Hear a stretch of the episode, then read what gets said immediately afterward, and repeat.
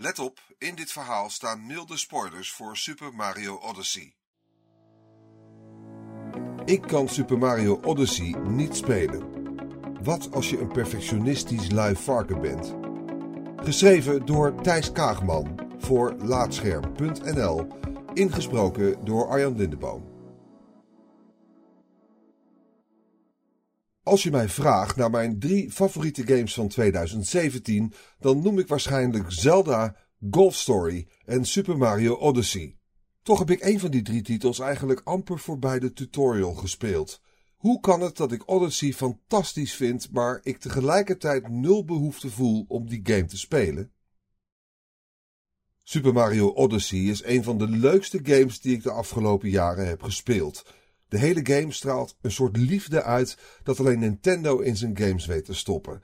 De wereld is tot in de kleinste details uitgedacht en vormgegeven.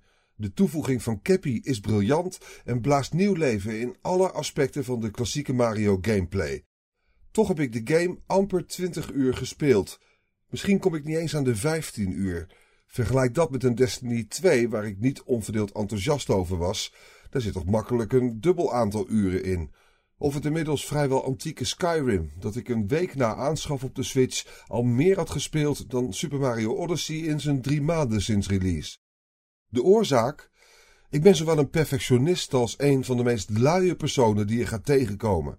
Maar om dat te begrijpen moet ik misschien even uitleggen hoe Super Mario Odyssey werkt.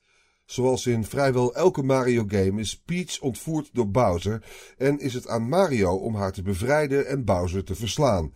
Dit doe je door in de pakweg 12 werelden die de game rijk is, Power Moons te verzamelen. Heb je er een bepaald aantal, meestal een stuk of 15 tot 20, dan kan je door naar de volgende wereld. Aan het einde versla je Bowser, bevrijd je prinses Peach en is de game afgelopen. Toch? Nope. Eigenlijk is dat pas de tutorial. Daarna ga je terug naar alle werelden om de Power Moons te verzamelen die je mogelijk de eerste keer gemist hebt. Heb je er 250, dan speel je iets vrij waarmee je nog meer moons kan verzamelen. Breng je het totaal op 500 of een andere mijlpaal, dan gebeurt er weer iets waarmee je nog meer moons kan opsporen. Het wordt tijdens het doorspelen van het verhaal ook al snel duidelijk dat je moons niet allemaal de eerste keer kan halen. Al in de eerste wereld kom je lichtgevende betonblokken tegen waarover Cappy zegt dat ze mogelijk op een later moment van pas komen. Dan weet je dus al, hier moet ik later terugkomen en dan kan ik er wel iets mee.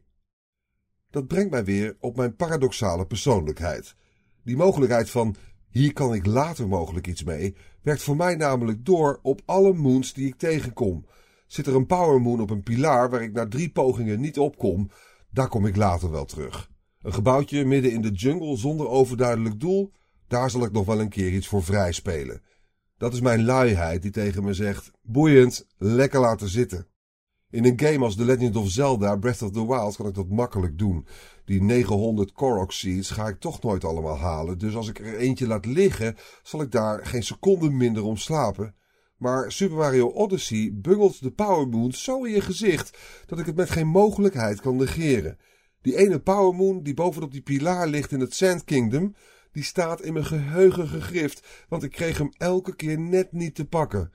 Komt dat door mijn eigen onkunde? Ben ik gewoon niet goed genoeg in die game? Of is dat gewoon iets dat ik nog niet heb vrijgespeeld? Dat is mijn perfectionisme dat tegen mij zegt: ik laat je niet vergeten dat je hier iets hebt laten liggen. Die paradox veroorzaakt een soort kortsluiting in mijn hersenpan.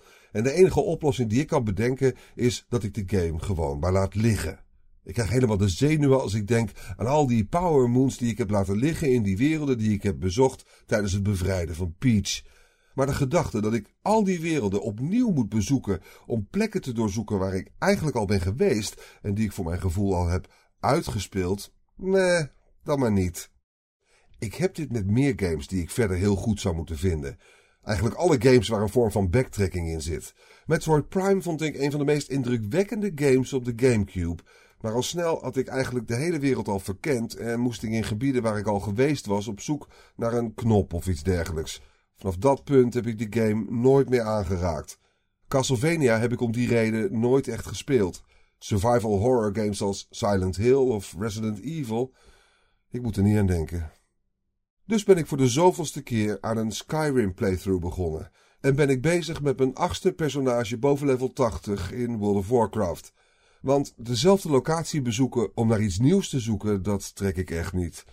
Maar dezelfde locatie bezoeken om gewoon weer precies hetzelfde te doen, dat vind ik blijkbaar geen enkel probleem.